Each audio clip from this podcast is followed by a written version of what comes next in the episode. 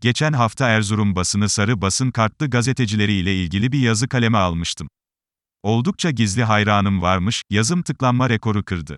Ama ne hikmetse, bu yazımdan dolayı kimse çıkıp da, beni tekzip etmedi, sözlerimi yalanlamadı. Mesaj yerine ulaşmış belli ki. Eee, ne de olsa sükut ikrardandır. Sarı basın kartlı gazeteciler siz halkla ilişkiler faaliyetlerine devam edin bakalım. Edin edin, sizin asli işiniz bu zaten. Siz kim, habercilik kim? Siz kim, dik durmak kim? Siz kim, omurgalı olmak kim? Matruşka gibi sahibinize doğru sallanıp durun. Gelene ağam gidene paşam demekten yorulmadınız. Kafa sallamak, kuyruk savurmaktan başınızda mı dönmedi? Sağ olun beni tekzip etmediniz, teyit ettiniz.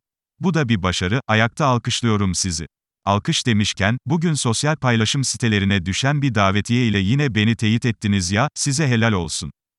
Kapısı kilitli Doğu Anadolu Gazeteciler Cemiyeti, yılın başarılı gazeteciler ödül töreni düzenliyor. Hatırlarsanız, kapısı kilitli cemiyetin idare binasında toplanıp da yandaşlarına ödül diye ulufe dağıtır gibi ödül dağıtmışlardı. İşte o ödülleri dağıtacaklar bu törende. Ama o da ne? Davetiyeyi yakından incelerken gözüme çarpan birkaç detaya inanamadım. Törenden önce medya etiği ve pozitif habercilik konulu bir panel planlamışlar. Dikkat edin, medya etiği ve pozitif habercilik. Siz ne anlarsınız medya etiğinden? Siz ne anlarsınız pozitif habercilikten? Sizinkisi pozitif ayrımcılık, pozitif yalakalık. Kime? Hükümete, çeşitli mahfillere ve proje ajanslarına. Bitmedi. Panele davet edilenleri şöyle bir inceleyelim.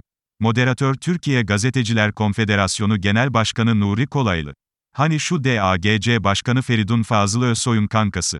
Hani şu, kınamaları bile kendi cemiyet adına yapmak yerine pas ettiği zat-ı muhterem. Bakın Nuri Kolaylı, geçtiğimiz günlerde yaptığı bir açıklamada ne demiş, avukat, doktor, mali müşavir olmanız için mutlaka bir eğitimden geçmeniz, mesleki standartları öğrenmeniz ve staj yapmanız gerekiyor. Maalesef, bizim ülkemizde böyle bir şey yok. Önüne gelen gazeteciyim diye adlandırılabiliyor. Bu konuda bir çalışma yapıyoruz. Basın İlan Kurumu Yönetim Kurulu da bir karar aldı, uluslararası boyutta meselenin nasıl çözüldüğü ele alınacak bir yasa düzenlemesi ile Türkiye Büyük Millet Meclisi'ne getireceğiz.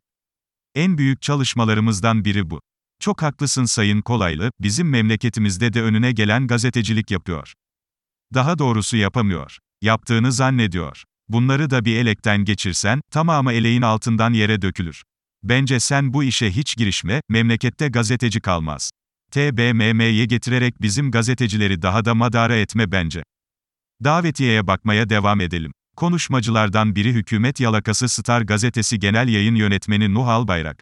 Paralelci Ekrem Dumanlı'nın, sen, o in dediğin yere 50 kere geldin. Hoca efendiyi beraber ziyaret ettik dediği gazeteci.